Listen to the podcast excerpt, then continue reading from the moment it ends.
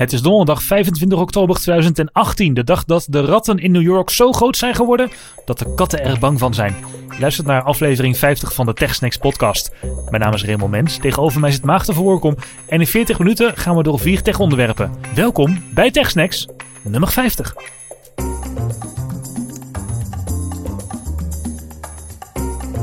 Potverdorie Maarten dat we die mijlpaal nog eens zouden halen, 50.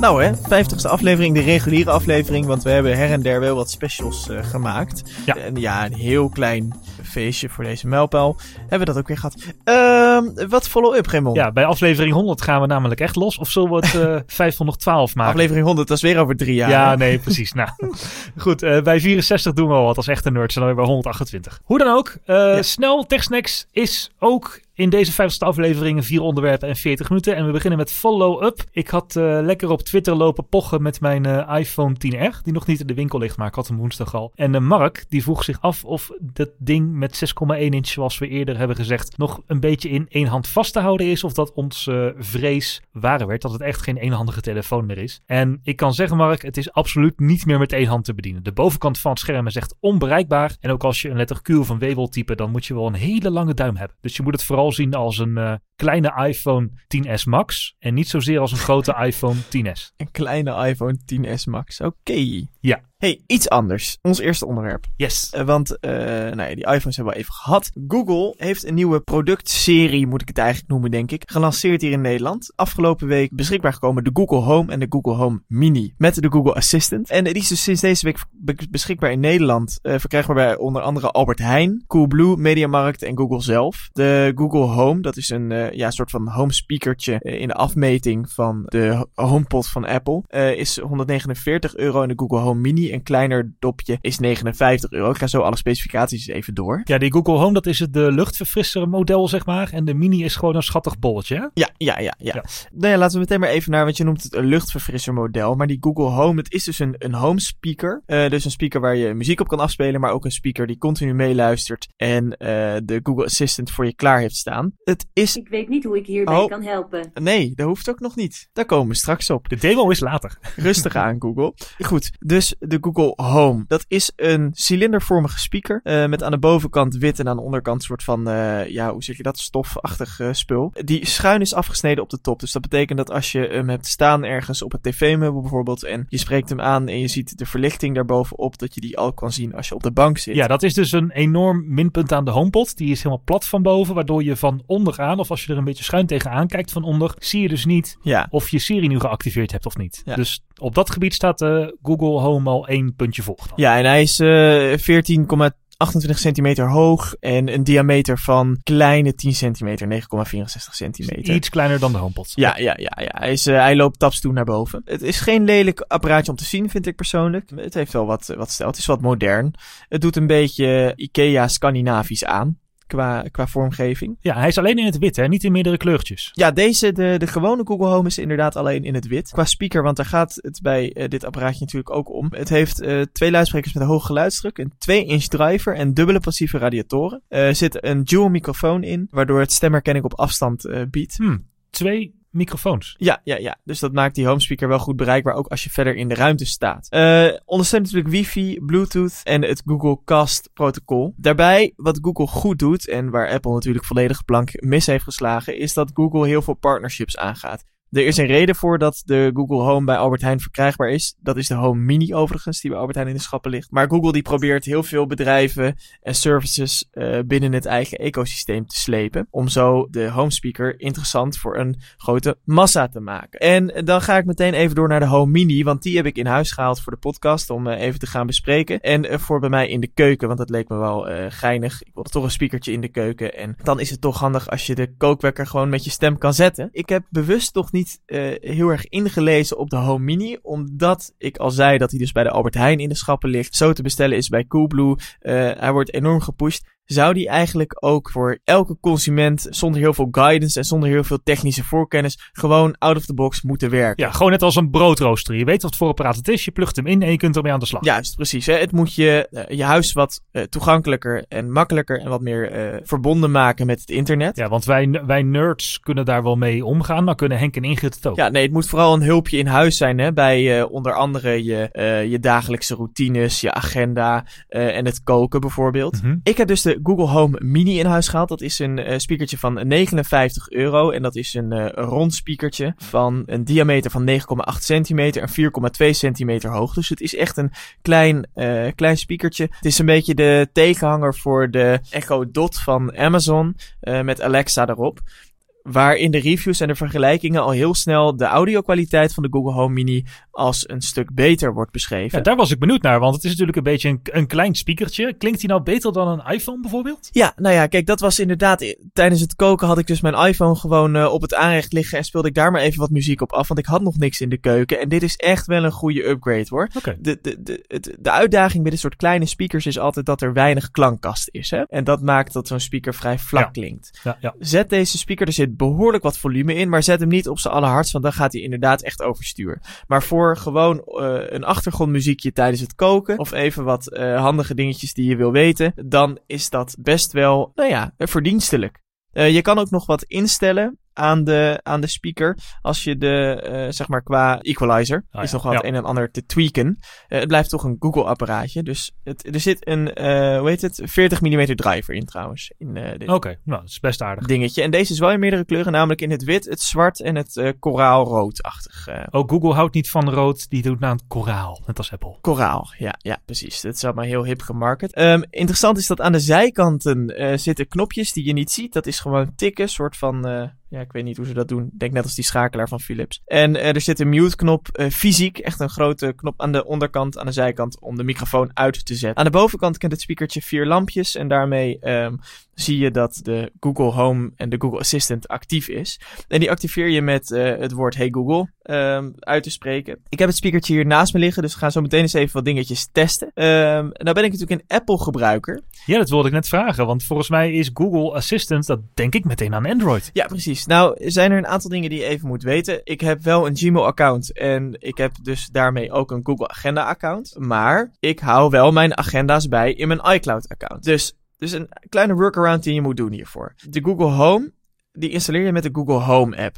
Dat is een app die gewoon voor iOS beschikbaar is. Die kun je downloaden en daarmee configureer je het apparaatje. Mm-hmm. Um, dit werkt overigens voor zowel de Google Home als de Google Home Mini hetzelfde. Dus uh, in die workflow zit helemaal geen verschil. Behalve dus dat je wat meer speaker hebt bij de Google Home. Hou je echt van wat uh, meer muziek, dan is dat aan te raden. Uh, neem je hem echt meer als, nou ja, leuk op de achtergrond tijdens het koken. En ehm, om tegen te praten en met wat interactie met de Google Assistant, dan is de Home Mini prima en voor een leuke prijs, 59 euro, best bereikbaar. En ook toegankelijk omdat die in de schappen bij de Albert Heijn ligt. Ja. Je gaat dus uh, naar die Google Home app. Uh, daar maak je je huis aan. Uh, en vervolgens ga je de stappen volgen en configureer je het speakertje met wifi-netwerk, et cetera. Ga je doorzoeken. Je kan, dat, dat, dat spreekt redelijk voor zich. Maar dat is zeg maar dus die eerste stappen. Dat zouden Henk en Ingrid ook nog wel kunnen, ja. ja. De eerste stappen met de wifi verbinden, et cetera, dat is nog goed te doen. Maar dan heb je dat apparaat geconfigureerd en dan? Dan zijn er een aantal standaard dingen en dan moet je gaan zoeken in die app. In die app kun je best wel wat instellen voor de Google Home zelf. Dus dat staat een beetje los van welke telefoon je hebt. Wat dat betreft kast je niet je telefoon of de inhoud van je telefoon continu naar die speaker, maar is die speaker echt op zichzelf staand een stukje smart home. Ja, zeg hij is, praat met de Google Cloud. Ja, je gaat dus met die app aan de slag. Nou, het is nog wel uh, makkelijk om je muziekdienst te configureren. Dus uh, ik heb Spotify, dus dat, nou, daar babbelt hij mee. Dus dat is handig. Dus als ik dan muziek wil afspelen via de Google Home speaker, dan kan dat gewoon uh, via mijn Spotify. En vervolgens, dan raak je in een beetje in een, in een soort van, ja, dan is dat ding ingesteld. En dan, dan moet je die app gaan doorzoeken. En dat is niet de meest overzichtelijke app. En dan moet je al snel gaan googlen van, oké, hoe kom ik bij mijn instellingen? Um, en uiteindelijk moet je dan echt wel wat, wat dingetjes door. Wil je bij de instellingen komen van de speaker zelf en niet van bijvoorbeeld de Home app of je eigen instellingen van andere apparaten die je eventueel wilt toevoegen. Dus dat wordt een beetje ingewikkeld. En dat maakt dat het apparaatje veel minder toegankelijk wordt direct. Maar hij gaat uit zichzelf dus niet zeggen van... hé, hey, ik ben nu uh, geïnstalleerd. En je zou dit, dit en dit kunnen doen. Of tik hier voor alle diensten voor home. Tik hier voor alle diensten van muziek. Hij gaat je daar niet verder mee helpen of zo. Nee, je krijgt wel wat suggesties. Maar echte instellingen, uh, die, die moet je echt wel gaan zoeken. En daar word je niet echt aan de hand meegenomen. En voor een hmm. apparaat wat zo voor de massa is ingezet, uh, zou dat wel handig zijn. Ja. Nou, vervolgens ga je dus met dat dingetje aan de slag. En dan is het kijken van, nou, wat kun je ermee? Een, een aantal functies, wat bijvoorbeeld wordt voorgesteld, direct ook in de app. Hè, want er worden wel wat functies voorgesteld. Uh, dat is om de Google Home iets te laten vertellen over je dag. Dat vind ik zelf wel een, uh, een, een mooie functie. Um, of over de dag van morgen. Nou ja, bijvoorbeeld, uh, laten we het gewoon eens even vragen aan, uh, aan Google. Ja. Je activeert hem, uh, hij luistert altijd mee. En je activeert de speaker door middel van Hey Google. Je ziet dan dat de lampjes gaan branden en dan zeg je Hey Google, wat brengt mijn dag van morgen? Het is donderdag 25 oktober 2018. Kijk, en dan zie je meteen al een soort van flaw van, van de Google Home. Wat, wat een soort van ingewikkeld lijkt nog. En waar de Engelse Google Assistant al veel verder is, is dat je de Google Home vrij letterlijk een soort van command lines moet geven. Als ik bijvoorbeeld namelijk zeg, hey Google, vertel wat over mijn dag. Nou, dat snapt hij sowieso al niet. En dan ga ik dus kijken, want dan zie je twee lampjes knipperen en dan gaat hij gewoon uit. En dan ga ik kijken dat hier in de app staat dan dat ik moet zeggen, zeg gewoon, vertel me over mijn dag. Nou, hey Google, vertel me over mijn dag. Hoi Maarten. Het is ongeveer kwart over negen s'avonds. Het is op dit moment 12 graden en overwegend bewolkt in Amersfoort. Vandaag zijn er buien met temperaturen tussen de 9 graden en 14 graden. Er is weinig verkeer van je locatie naar je werk, dus het duurt 19 minuten. Je hebt morgen om 6 uur s'avonds. C-feest. Geweldige dag nog. Hier volgt het laatste nieuws. 9 uur. Hey Google. Jelle. Stop. Ah, dit is wel netjes. Je ziet dus dat uh, dit wel netjes is. Dit vind ik een van de mooiste functies die erop zitten. Maar je moet dus vrij letterlijk zijn in de commando wat je geeft. Uh, duidelijk is dat Google um, heel erg wil laten weten dat het product nog in ontwikkeling is. Op het moment dat uh, Google namelijk de Google Assistant iets niet weet, dan uh, moet hij eigenlijk continu benadrukken dat ze nog aan het leren is. Dus hier wordt aan gewerkt, het wordt verbeterd. Um, we zijn druk bezig dit te verbeteren.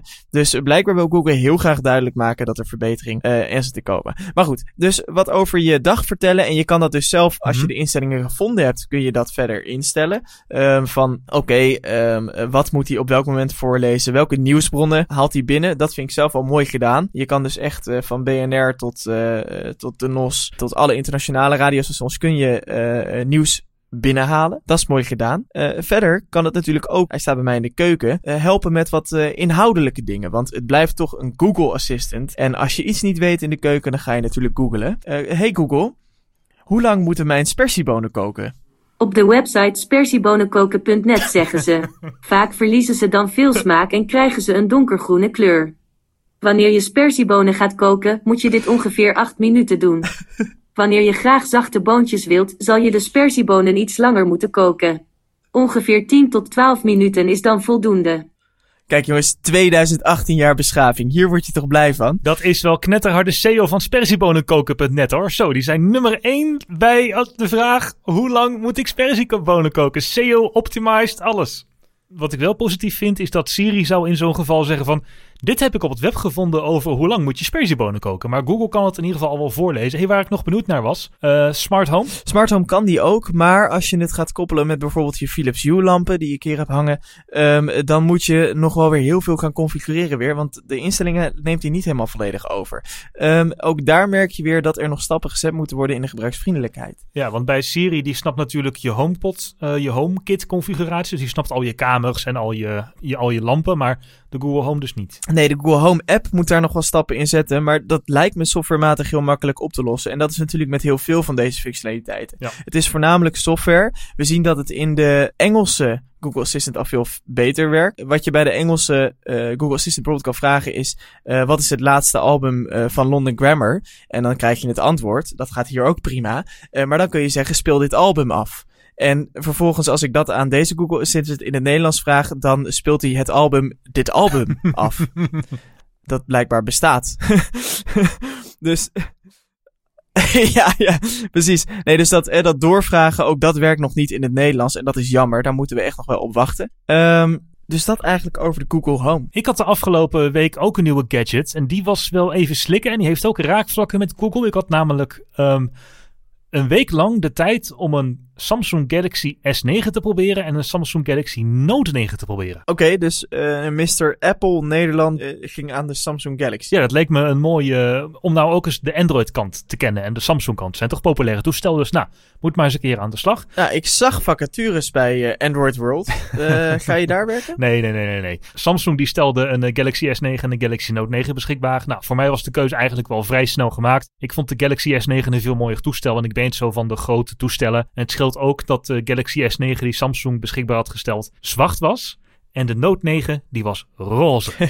Prachtig. En nu heb ik al een keer een roze Apple Watch gehad. En dat ging me eigenlijk wel ver genoeg. Eh, maar het leek me. Maar ik moet zeggen, het design in het zwart van die Galaxy S9. Nou, niet verkeerd toch? Nee, is het een mooi toestel? Ja, in het zwart is die, is die echt niet verkeerd. En ze hebben ook die eh, vingerafdrukscanner. Die zat eerst naast de camera. Waardoor je constant op de cameralens zat. Die hebben ze nu onder de camera geplaatst met de S9. Waardoor die wat eh, beter te gebruiken is aan de achterkant. Het leek me wel een beetje een hel overstappen. Want ik ben natuurlijk een iPhone gebruiker sinds 2009. En ik heb dus mijn hele leven zit ongeveer in iCloud. Van agenda's tot foto's tot 2010 tot eh, muziek. Ah, oké. Nou, dat heeft Samsung op zich wel goed eh, aangepakt. Die hebben namelijk een eigen Switch-app gemaakt. Die heet Smart Switch. En wat je daarmee eigenlijk doet, is een iCloud backup downloaden. En uit die iCloud backup gaat hij dan al je foto's, je agenda-afspraken, et cetera halen. Ah, dat is wel netjes. Eh, en wat me Ja. opviel aan die app is dat die best goed gemaakt is. Want hij ondersteunde zelfs twee-factor authenticatie of twee-stapsverificatie van iCloud. Dus er is echt wel eh, flink wat tijd in gestopt. ja, nou, ik heb natuurlijk eh, sinds 2010 foto's, dus het duurde zeven uur om die te downloaden. Vet lang. Eh, maar dat ging uiteindelijk helemaal goed. Ze werden keurig geïmporteerd en ook filmpjes werden geïmporteerd en al wat datums, die werden ook geïmporteerd. En ik kon ook mijn iCloud agenda en mijn iCloud mail gewoon via IMAP en CalDAV heet dat geloof ik, blijven gebruiken. Dus nou, de Switch die viel me eigenlijk wel mee. Het enige nadeel is natuurlijk dat je geen iMessage hebt en dat WhatsApp geen backups kan overzetten tussen iOS en Android. Ah, oké. Is dat zo? Onhandig. Ja, dus je begint gewoon met een compleet nieuwe lege WhatsApp, zeg maar. Dus al je gesprekken zijn er wel weg. Waarom zouden ze daarvoor gekozen hebben? Ja, ik denk dat ehm, WhatsApp heeft natuurlijk geen eigen opslag, cloud-opslag. Dus die maken een backup naar Google Drive of naar iCloud. En het schijnt dat die backups niet zo makkelijk uit Google Drive of iCloud te halen zijn. Want anders zou iedereen je WhatsApp-backup eh, binnen kunnen trekken. Dus ik vermoed dat daar iets, eh, iets, dat daar iets zat. Oh ja. Waar ik ook ontzettend van blij van werd op die eh, Galaxy S9, is dat er USB-C op zit. Ja, heb je de Lightning niet gemist? Nee, echt geen minuut, man. Eh, eigenlijk realiseer ik me nu pas hoe handig USB-C is. Want ik heb dan een MacBook met USB-C en ook een Nintendo Switch met USB-C. En met die iPhone was het altijd checken van, heb ik een Lightning-kabel in mijn rugzak zitten? Want ja, als ik straks mijn iPhone leeg is, dan moet ik wel mijn iPhone kunnen Nu was het gewoon van, oh, ik heb een MacBook-oplader erbij. Die is krachtig genoeg, dus ik kan mijn Mac laden en mijn telefoon. En ook als ik eh, aan het gamen ben, de trein mijn Nintendo Switch daarna nog even laden. Dus dat is echt wel, eh, echt wel beter. Maar was je niet, want dat is natuurlijk iets wat eh, Samsung altijd verweten wordt, is dat er heel veel software meegeleverd wordt. Bloatware. Apps die eigenlijk van ontwikkelaars zijn om die te pushen en waarvoor ze betalen en verdienmodelletje. Waardoor je dus met een hele volle telefoon eh, komt te zitten, direct bij aansluiting. Ja, dat is helaas nog steeds ook anno 2018 wel het geval. Eh, Samsung heeft daar niet voor niets een slechte reputatie. Zo wordt bijvoorbeeld bij het instellen van de telefoon wordt al gevraagd... hey, waar wil je een backup maken? Wil je het bij Google maken? Zoals gewoon op Android hoort. Wil je onze eigen Samsung Cloud Backup proberen? En eh, dan moet je wel even een Samsung paspoort aanmaken. Dat is iets van... Nee, ik wil gewoon een Google-account gebruiken. En ik snap niet waarom je dat nou dubbel moet gaan aanbieden. Facebook staat er standaard op. Eh, Microsoft Office, de volledige Office suite, staat er standaard op. En ook Bixby staat er natuurlijk standaard op. Heeft zelfs een eigen knop. En ik snap wel dat Samsung het doet, maar het was mooier geweest wat mij betreft als ze bij installatie zouden vragen: wil je de Samsung Experience of de Google Experience? Dus dat je kunt kiezen. Oh ja. Want nu, eh, je kunt ook niet al die apps, Office kun je dan wel verwijderen, maar bijvoorbeeld Facebook kun je niet verwijderen, maar alleen uitschakelen. En er is ook iets als Samsung In-Traffic, Reply en Galaxy Games en Samsung Pass, een eigen password manager. Ik denk, ja, ik vertrouw Google meer met mijn wachtwoorden dan Samsung. Wie weet staat het op een of andere brakke server in eh, China of zo, weet je wel. Dus nou, dat hoef ik allemaal niet. dus je hebt echt wel even, even werk aan om al die apps te verwijderen. En Hey, dan kan dat beter in een aardbevingsgebied in Noord-Groningen zitten. precies. Maar dat is het. Dus ik zou op dat gebied wel willen dat Samsung je meer eh, te kiezen gaf. Het zal wel een utopie blijven. Natuurlijk zal niet iedereen het opvallen en kun je ook die apps in een mapje stoppen en klaar. Maar het voelt gewoon niet lekker, weet je wel. Uh, ik vind als smartphonemaker moet jij de eindgebruiker op één zetten en niet deals met Microsoft of Facebook die jij toevallig hebt. Oké, en uh, maar jij hebt dus altijd een iPhone gebruikt en nu dus de iPhone 10s sinds een tijdje, sinds dat die uit is. de Galaxy S9 is natuurlijk een tegenhanger, dus ik ga ervan uit dat je ze vergeleken hebt met elkaar in gebruik. Wat waren de pluspunten? De accuduur was eigenlijk prima. De Galaxy S9 was niet slechter of beter dan mijn iPhone 10s. En um, waar ik zelf heel erg onder de indruk van was, was de clouddiensten van Google. Dus um, op iOS heb je vaak, als je een Apple downloadt, kun je het niet vanaf je desktop doen. Maar moet je altijd uh, naar de iTunes Store op het iOS-apparaat zelf en daar je app downloaden. Maar Google heeft zijn Play Store veel beter geregeld, dat je ook op de desktop apps kunt downloaden. Dat was bijvoorbeeld, daar merk je gewoon dat de clouddiensten van Google een stukje beter in elkaar zitten. Ja, het is natuurlijk ook de core business. Ja, precies. Nou, ook Bluetooth-oortjes uh, werkten prima. Uh, mijn AirPods die werkten als gewone Bluetooth-oortjes. Dus uh, prima voor muziek luisteren. Maar die slimme functies zaten er natuurlijk niet in. En ook de ervaring met de meeste grote apps is op iOS of Android min of meer wel hetzelfde. Ja? Dus de Facebook-app is er, Google Maps is er. Nou ja, alle grote apps die je maar kunt bedenken zijn er wel. Maar ik miste misschien stiekem toch wel een klein beetje mijn uh, artisanal apps, zoals Tweetbot en uh, Overcast. Oh ja. Die zijn er natuurlijk niet. Nee. Dus dan moest ik naar een andere podcast-app gaan zoeken. Ja, dat was natuurlijk wel een beetje lastig. Podcast Addict. Ja, er zijn er een aantal. Maar die hadden dan weer net niet zo'n goede smart speed als Overcast die ik gewend was. Ja, moeilijk, moeilijk, moeilijk. Wat ik wel uh, heel leuk vond, is de vrijheid. Ik heb uh, een heleboel oude Nintendo-ROMs uh, met een emulator. lekker lopen te spelen. Dat was wel leuk. Oh, vet. En uh, omdat het kan, ook uh, uTorrent erop gezet, want dat kan gewoon.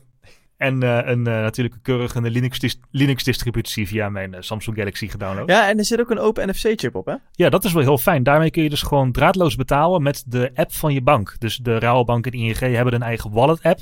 En die maakt gebruik van de NFC-chip van de uh, Android-toestel. Waardoor je dus eigenlijk gewoon een pinpas emuleert. Dus eigenlijk heb je nou gewoon Apple Pay zonder op Apple Pay te wachten. Met de app van je eigen bank. Dat was wel, uh, wel cool. Ja. En ik vond ook bijvoorbeeld de camera-app. Apple levert natuurlijk standaard een gewone camera-app mee. En als je meer instellingen wil, dan moet je een externe app downloaden. In ieder geval Samsung zit een Pro-modus die je kunt activeren. En dan kun je alvast wat meer instellingen, zoals diafragma, et cetera, instellen. En er is ook een functie die ik toevallig ontdekte toen ik hem met Bluetooth verbond via mijn Mac. Wat ook gewoon met USB-C kon trouwens, want je kunt gewoon bestanden overzetten via USB-C. Maar dat is Smart Lock. Dat is wel iets wat ik mis op de iPhone. Terwijl die toch zich heel bewust zou moeten zijn van dat hij in de buurt is van mijn Mac. Als ik uh, ingelogd ben op mijn Mac en uh, de Mac kan via Bluetooth de Galaxy bereiken, dan kan die telefoon alvast unlocked zijn. Dus als ik achter mijn Mac zit en de Bluetooth-verbinding is actief, dan hoef ik mijn telefoon niet te unlocken. Maar als ik dan naast je zit, dan pak ik je telefoon en is je gewoon unlocked. Ja, klopt. Uh, het kan ook op basis van een wearable zijn bijvoorbeeld. Uh, of op locatie zeg je als ik thuis ben dan mag mijn telefoon altijd unlocked zijn. Want nou ja, ah, okay. ik ben toch vaak alleen thuis. Uh, dat, was, dat waren allemaal wel leuke toevoegingen. Daarvan ik dan toch had dacht van... iPhones zijn zich zo bewust van elkaars bijzijn. En maar toch zit dat er niet op. Dus dat is wel iets wat Apple kan, kan leren.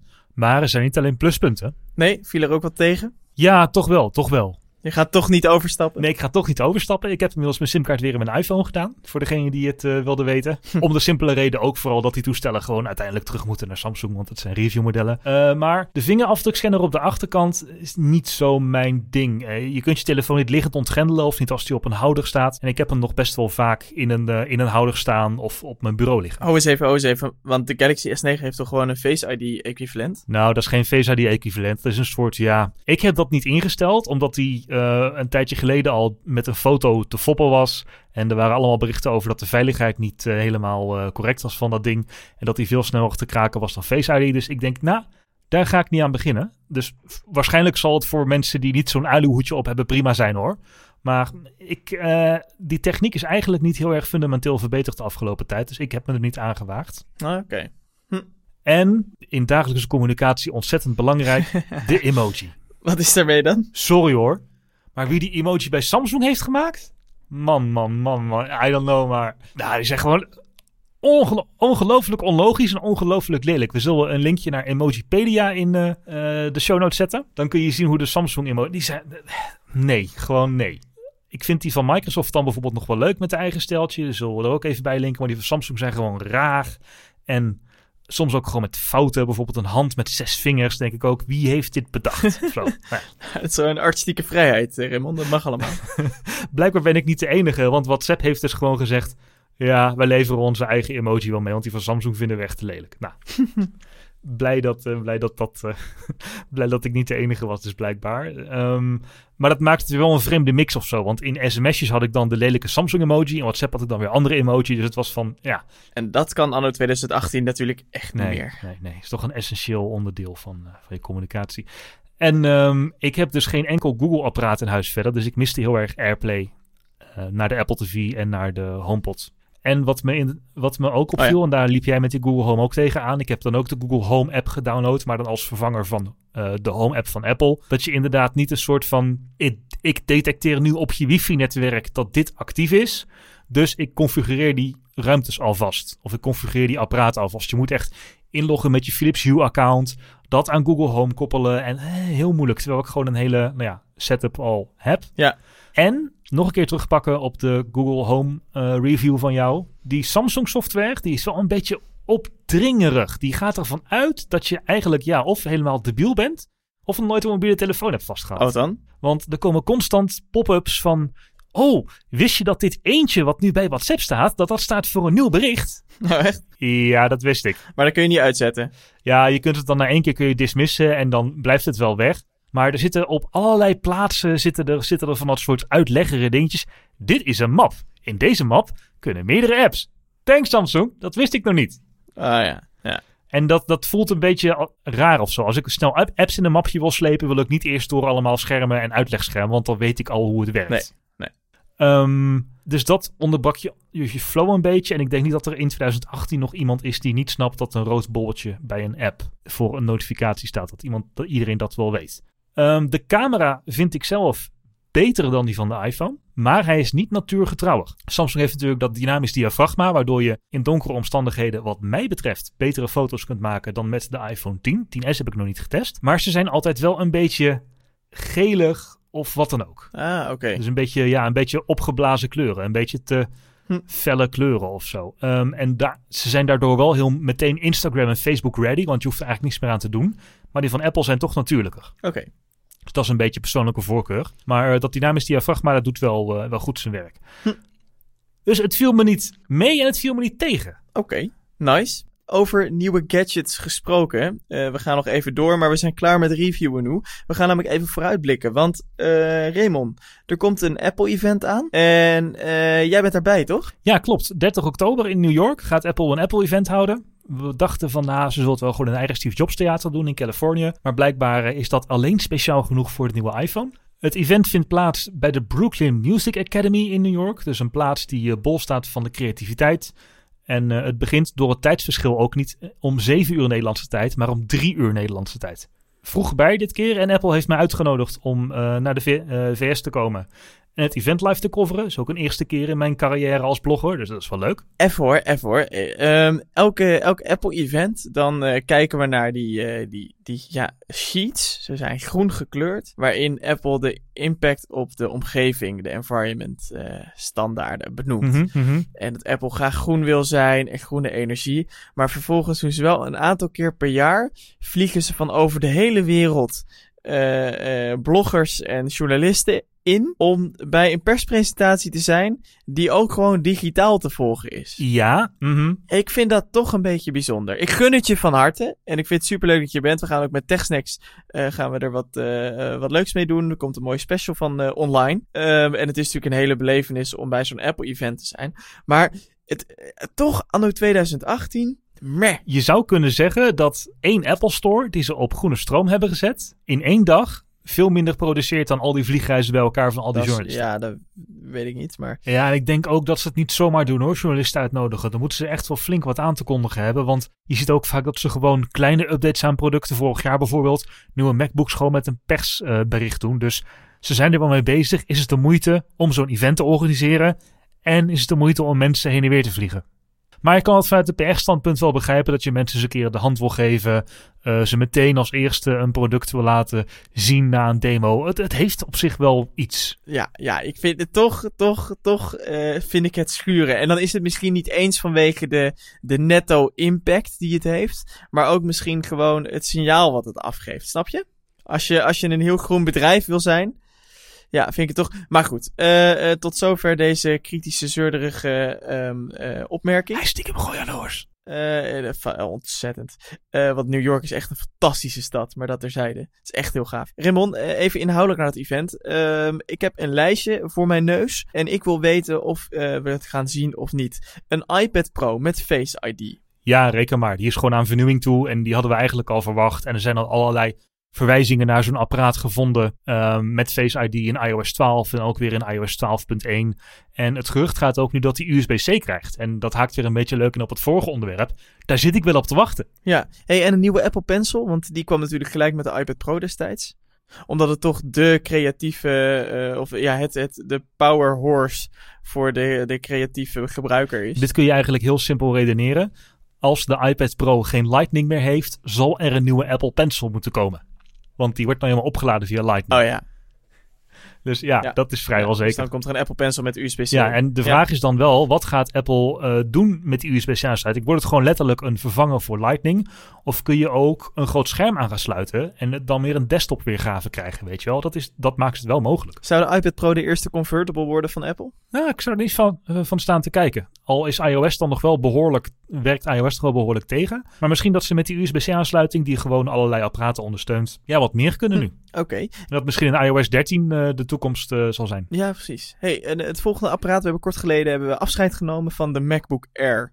Ehm, gaan we een nieuwe MacBook Air krijgen? Ja, die MacBook Air die werd al een tijdje verwacht. Hij is al sinds 2015 eigenlijk niet meer geüpgrade en is een beetje een oude vreemde eend in de bijt. En er waren al geruchten dat hij zou komen, maar vandaag heeft Apple, eh, of eh, deze week heeft Apple een aantal nieuwe producten geregistreerd voor verkoop in onder andere Rusland bij de marktwaakhond daar. En daar zaten onder andere twee nieuwe MacBooks bij. Dus dan verwachten we eigenlijk een opvolger van de MacBook Air, want ik denk dat ze dat ontwerp echt wel gaan schrappen. Hm. En dan ook die 12-inch MacBook, die is ook al een jaar niet meer vernieuwd. Dus ik verwacht dus dat we een opvolger van de Air krijgen en de 12-inch MacBook. Voor welke gebruiker is de MacBook Air dan? Want dat snap ik niet helemaal. Je hebt de 12-inch MacBook als, als kleine, handzame, eh, hele mooie, dunne MacBook.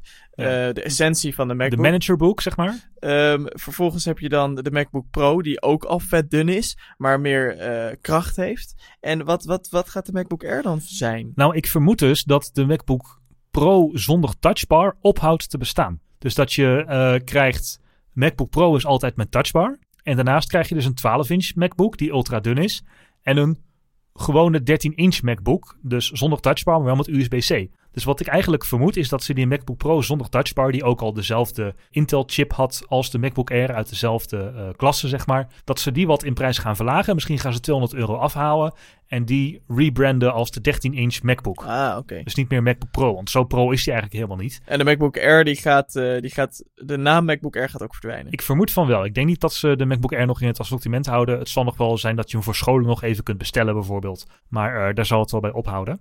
En die 12-inch MacBook, ja, die krijgt gewoon zijn gebruikelijke update. Dus de snellere chip. En misschien zelfs een tweede USB-C-poort, maar reken er niet op. Hey, dan even naar de desktops. Eh, een nieuwe Mac Mini. Ja, ook. Eh, er waren ook bij die registratie in Rusland van producten waren drie desktops eh, geregistreerd door Apple. En een van de productcodes van Apple heeft altijd zo'n A-nummer, weet je wel. A19 nog wat voor een product. Een interne codenaam. Oh ja. En daar waren er drie van, drie nieuwe A-nummers. Dus ik vermoed inderdaad een nieuwe Mac Mini. En twee nieuwe iMacs dan ook, hè? Eh, want de iMac komt in 21 inch en 27 inch. Dat zijn dan twee losse producten. En de iMac werd nog niet heel erg veel tijd, maar de Mac Mini natuurlijk wel. Hey, en zal de iMac in design nog veranderen? Want dat is natuurlijk al een tijdje hetzelfde. Nee, waar ik wel een beetje mee zit, is hoe gaan ze nog goed onderscheid maken tussen de iMac en de iMac Pro? Want ze hebben natuurlijk gezien dat die MacBook Pro ook een T2-chip kreeg. eh, voor snellere encryptie van de harde schijf. En eh, snellere taken die de Intel-chip niet zo goed kan. Maar als ze die iMac nou ook, die 5K iMac ook van die T2-chip gaan zien, is die op technisch gebied moderner dan de iMac Pro. Ah, Dus dan loopt de iMac eigenlijk een beetje voor op de iMac Pro, want die heeft nog een T1-chip. Er zijn natuurlijk wel andere redenen om een iMac eh, te nemen, maar misschien ja, ik verwacht wel dat de iMac een eh, serieuze upgrade krijgt. Eh, sowieso loopt Apple altijd een beetje achter met generaties Intel-chips. En ik verwacht dus dat de iMac ook meer cores krijgt.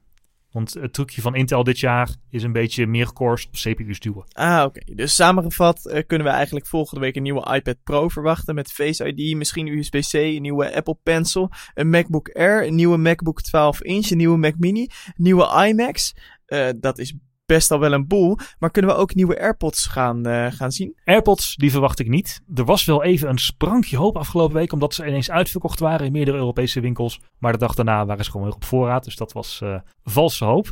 En hoe komt het nou dat die AirPods zo op zich laten wachten? Nou, dat komt waarschijnlijk omdat die draadloos kunnen laden. En Apple wil waarschijnlijk niet AirPods die draadloos kunnen laden uitbrengen, zonder daar ook de elephant in the room, AirPower bij uit te brengen. Ja, wat de AirPower is dat oplaadmatje van 700 euro.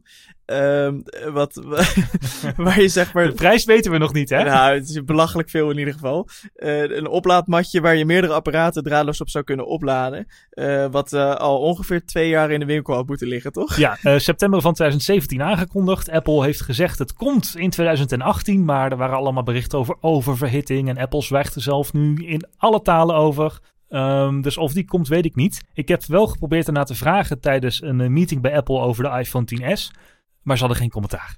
Verrassend, hè? dus uh, vandaag, was, vandaag was analist uh, Ming-Chi Kuo wel met een nieuw rapport uit. En die zei, nou, AirPower en AirPods reken maar op uh, begin 2019. Oké. Okay. Hey, en dan nog iets waar we ook al heel lang geen upgrades meer van hebben gezien. Gaat Apple ooit nog komen met een Thunderbolt display? Voorbij een Mac Pro dan? Zeker, met een upgrade voor de Mac Pro. Ja, die hebben ze aangekondigd voor 2019. Dus die zal er wel in 2019 komen, maar niet dit event. Oh, oké. Ik denk dat dit echt uh, Mac en iPad wordt. Dus echt, ja, een beetje voor ons, de Apple geeks, interessante producten. Maar voor consumenten die toch vooral op de iPhone zitten te wachten en niet zozeer op een Mac, want die hebben gewoon een Windows computer, is dit wel een beetje het event met de B-producten, zeg maar. Ja. Met, niet met de verkoopknallers. Al moet ik zeggen, die iPad Pro, ja, dat kan wel eens wat worden. Ja, want daar kun je bijvoorbeeld heel erg mooi op gaan photoshoppen. Ja, het was natuurlijk de maand van de events. En naast het Apple-event hadden we en het Google-event hadden we ook Adobe Max. Wow, dat is, dat is het, het pers-event van Adobe. Ja, daar worden alle creatieven ook uitgenodigd. En dan wordt de toekomst van de tegenwoordig Creative Cloud uit de doeken gedaan. Ja, en dat is wel bizar, want dit zijn programma's die echt enorm veel vragen van uh, de processorkracht, de grafische kracht, et cetera. Het is nog niet zo lang geleden dat je hier speciale dedicated machines voor moest hebben om dit soort programma's een beetje soepel te draaien. Ja, dan stond er een Mac Pro op het bureau te stomen van een, uh, van een creatief. Ja, de, denk je... Denk dat je... zelfs, heb je dat gezien? Ze hebben, ze hebben zelfs Phil Schiller uitgenodigd. Ja. En in een mooi, uh, in een mooi jasje gehezen op het podium. Ja, denk je, denk je dat de iPad hier sterk genoeg voor zal zijn om al die bewerkingen snel en goed te doen? Ja, aan de chipkracht van de iPad zal het niet liggen. Oké, dus... In sommige bewerkingen is die zelfs sneller dan de, dan de uh, Mac bijvoorbeeld. Ik heb ooit eens een 4K video geëxporteerd op mijn MacBook Air. En het ook op een iPad Pro gedaan. Nou, die iPad Pro die was veel sneller klaar met die 4K video hoor, dan mijn MacBook Air. Ja. Hey, en wat ik me nou nog afvroeg, hè, want dat moet je dan volledig gaan bedienen met je Apple Pencil? Ja, ze hinten wel heel erg naar, daarnaar dat ze de Apple Pencil heel erg goed gingen ondersteunen. Dat die heel erg essentieel werd. Dat snap ik ook wel, want Photoshop is best een complex programma. Dan heb je gewoon aan je vinger, je fat finger, niet altijd genoeg om een precieze controle te doen of zo. Dus ja, de Apple Pencil wordt daarbij, is de verwachting eigenlijk een beetje de vervanger van de muis. Dus als jij precisiewerk wil gaan doen, dus met uitsnijden van dingen en met het trekken van lijntjes en het uh, applyen van subtiele blur, dan verwacht ik wel dat ze daar dus de Apple Pencil gaan gebruiken voor uh, precieze controle. En je had natuurlijk altijd al van die tekentablets bij de Mac en je hebt de Apple Pencil. Dus ja, prima. Ja, hey, en werkt het dan ook cross-platform? Dus kun je uh, op je iPad beginnen en verder gaan op je Mac? Ja, dat hebben ze wel aangekondigd. Ze zeiden wel dat er aanvankelijk beperkte functies beschikbaar zouden zijn. Uh, dus je zou gewoon PSD-bestanden uit kunnen ga gaan wisselen. Uh, en Photoshop op de Mac of de PC zou dan alles wat je op de iPad hebt uh, gemaakt feilloos kunnen lezen. Sommige geavanceerde functies, dus een bepaalde blur, een bepaald filter, zal misschien in de eerste versie niet aanwezig zijn. Maar ze benadrukten wel dat het echt een volledige Photoshop moet worden. En um, ze deden nog een bijzondere aankondiging. Iets waar mensen wel een beetje van schrokken, had ik het idee. Adobe zei namelijk: Het tijdperk van het bestand is voorbij. Mijn bronbestanden. Heb je zo lang aan iets gewerkt, dan wil je dat natuurlijk 700 keer opslaan. Want je wil niet al dat werk verloren gaat. En als dan zeg maar degene die die bestanden faciliteert zegt van ja, het tijdperk van het bestand is voorbij, dan krijg je natuurlijk paniek in de zaal. Ja, maar gelukkig uh, kwamen ze daarna met een aankondiging van Cloud PSD. Dus Adobe gaat PSD-bestanden in de cloud opslaan. Dat is ook best wel essentieel. En PSD is het bronbestand van Photoshop. Hè? Ja, dat is best wel essentieel als je wil kunnen switchen tussen je Mac en je iPad. Dat je niet handmatig een bestandje steeds heen en weer hoeft te wisselen. Dus uh, het is wel logisch dat die in de cloud opgeslagen worden. En daarmee gaan ze ook een wat grotere rol voor de Creative Cloud wegleggen. Want de PSD was nu natuurlijk altijd al je bestanden, al je layers, al je effecten, alles in één groot bestand. Ja. Met die Cloud PSD wordt het eigenlijk meer een verwijzingsbestand. Dus stel jij maakt een nieuwe layer, dan wordt die nieuwe layer apart als ja, klein asset opgeslagen in Creative Cloud. En de PSD bevat dan een verwijzing naar die layer. Maar de PSD bevat zelf die layer niet. Dus het wordt eigenlijk allemaal gefragmenteerd opgeslagen. Ja, en wil je dan bijvoorbeeld die layer weggooien of wil je reverten naar een vorige bewerking, dan kan die gewoon uh, dan hoeft hij het bestand niet helemaal te bewerken, maar dan kan hij gewoon de link naar de oude layer terugzetten in het PSD-bestand en dan ben je bij. Maar wordt het dan een soort van gestreamd of uh, wordt het gecached op het apparaat? Uh, het wordt deels gecached, zei Adobe, dus je kunt ook offline gaan werken. Bij het openen van een uh, cloud PSD zal het volledige bestand worden gecached. Um, en als je offline bent, dan worden die veranderingen ook op het apparaat zelf opgeslagen. Um, dus je zou er offline moeten kunnen werken. Natuurlijk, hm. ja, is dat afwachten hoe het uit gaat pakken. Ja, nou, het past natuurlijk wel binnen de strategie van Adobe. We zien eigenlijk de afgelopen jaren dat Adobe een switch heeft gemaakt van alle producten gewoon als licentie kopen en je kan dat onbeperkt op je Mac gebruiken, tot een abonnementsvorm en een cloudvorm en eigenlijk gewoon een volledig ecosysteem wat ze hebben gebouwd. Uh, dan is dit natuurlijk wel een logisch, uh, logische stap die in het verlengde daarvan ligt. Ja, er waren een boel mensen die niet tevreden waren met dat je alle Adobe software niet meer kon kopen, maar hem echt specifiek moest huren voor een bedrag per maand. Maar ja, dat maakt dit soort dingen cross-platform werken wel mogelijk. En je hoeft nu ook, hè, als je Ja. de Photoshop op de Mac al hebt, bij zo'n fotografieabonnement bijvoorbeeld, dan krijg je hem nu ook gewoon voor de iPad. Ik ben benieuwd. Eh, komen de rest van de, van de Creative Suite, komt dat ook naar de iPad of is het alleen eh, Photoshop vooralsnog? Ja, ze hebben wel wat gehint. Adobe zei dat er ook plannen waren om Illustrator en Premiere naar de iPad te brengen. Ze waren zeer concreet, die plannen, zei Adobe, maar ze wilden er vervolgens geen datum of jaar aan koppelen. Nee, precies. Dus dat wordt vervolgd. Net als de TechSnacks podcast. Want we zijn alweer aan het einde van deze aflevering. Deze bijzondere aflevering 50. Ehm, eh, dat wil ik eh, in ieder geval onze trouwe sponsor, eh Nodots uit Eindhoven, enorm voor bedanken. Die eh, de Technics Podcast mogelijk maakt. www.nodots.nl voor eh, webdesign, weboptimization. Als jij zo'n webshopje hebt en dat loopt niet, dan bel je Marijn even van Nodots. die ook in het Technics Zomerdiner deze zomer te gast was. En dan zeg je, hé hey, Marijn, mijn webshop loopt niet. Dan zegt Marijn, oh ja, kom maar. En dan ben je een paar weken later een soort van rijk. Dus eh www.nodots.nl, check die website en check ook... ehm, wat? Deze pitch voor onze sponsor, de beste die ik ooit heb gehoord. dank je, dank je. Ja, en check ook uh, TechSnacks op Twitter, TechSnacksNL. Op Facebook kun je ons ook liken. En laat in iTunes weten wat je van ons vindt, want dat vinden we leuk. Nou, dat is even geleden dat we een recensie hebben gehad. Dus jij die nu luistert en die nog geen recensie in iTunes heeft achtergelaten, doe het nu. Tot over twee weken.